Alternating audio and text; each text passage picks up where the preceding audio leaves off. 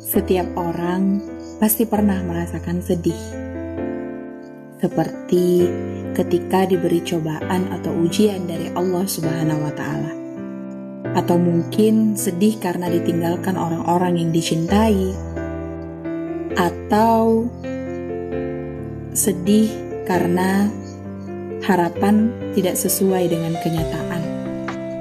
Perlu kita ketahui, sedih asalnya tidak bisa menolak bahaya atau juga mendatangkan manfaat. Artinya, yang disedihkan atau diratapi ya tidak bisa kembali. Namun, sedih itu sendiri pada hakikatnya bisa terpuji dan juga bisa tercelah. Artinya dapat berbuah pahala dan dapat pula berbuah dosa. Perihal ini diterangkan oleh Ibnu Taimiyah dalam Abu Abbas Ibnu Taimiyah rahimahullah berkata, Sedih tidaklah diperintahkan oleh Allah Azza wa Jalla dan Rasulnya. Bahkan, kadang sedih itu terlarang dalam beberapa keadaan. Tak kala dikaitkan dengan hal-hal agama.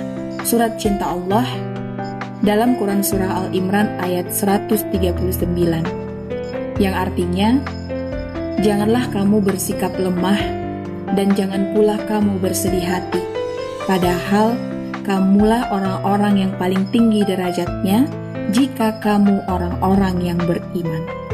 Begitu pula dalam Quran Surah An-Nahl ayat 127 Allah bilang dan janganlah kamu bersedih hati terhadap kefakiran mereka dan janganlah kamu bersempit dada terhadap apa yang telah mereka tipu dayakan.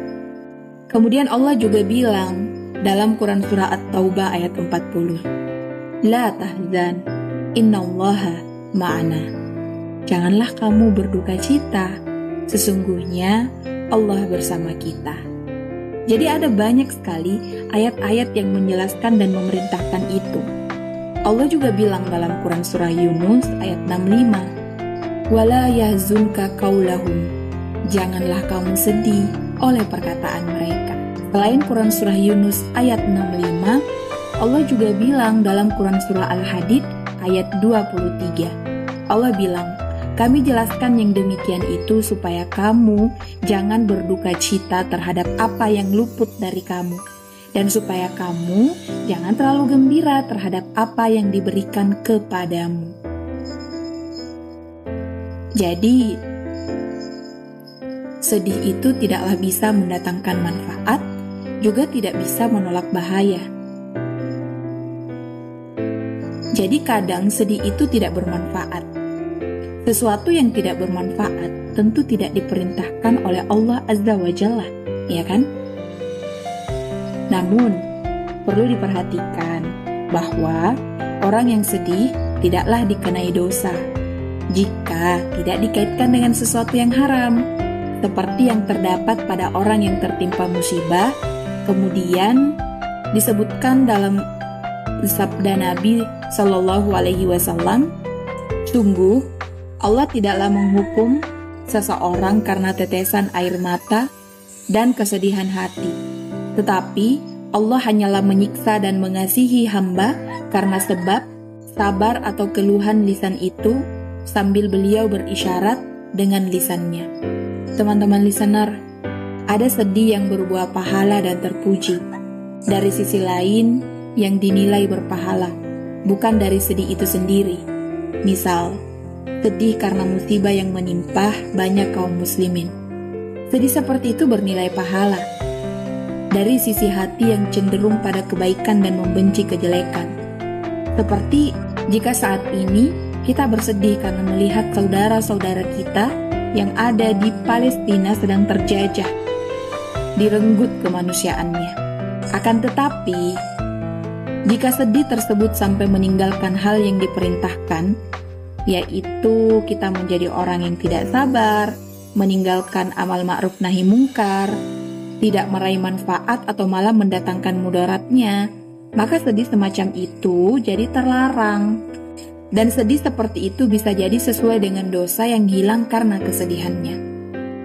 Adapun jika sedih mengantarkan pada lemahnya iman dan lalai dari perintah Allah Azza wa Jalla dan Rasulnya, maka sedih ketika itu menjadi tercelah dari sisi ini.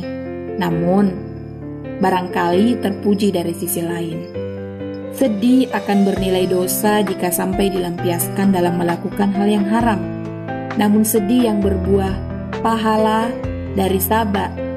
Namun sedih yang berbuah pahala jika sabar dalam musibah dan tidak selamanya orang yang sedih dengan meneteskan air mata menjadi tercela ya. Selama lisan tidak banyak menggerutu dan mengeluhkan terhadap takdir, artinya bersabar, maka bisa berbuah pahala. Ya Allah, berilah kesabaran kepada kami dalam menghadapi setiap ujian dan cobaan. Ya Allah, gantikanlah setiap kesedihan kami dengan kebahagiaan dan pahala. Semoga Allah Azza wa Jalla mengaruniakan hidayahnya kepada kita. Bahwa tetap istiqomah, senantiasa bersabar atas segala ujian, menjauhkan diri dari kesedihan yang berbuah dosa. Tentunya hanya untuk meraih ridha Allah.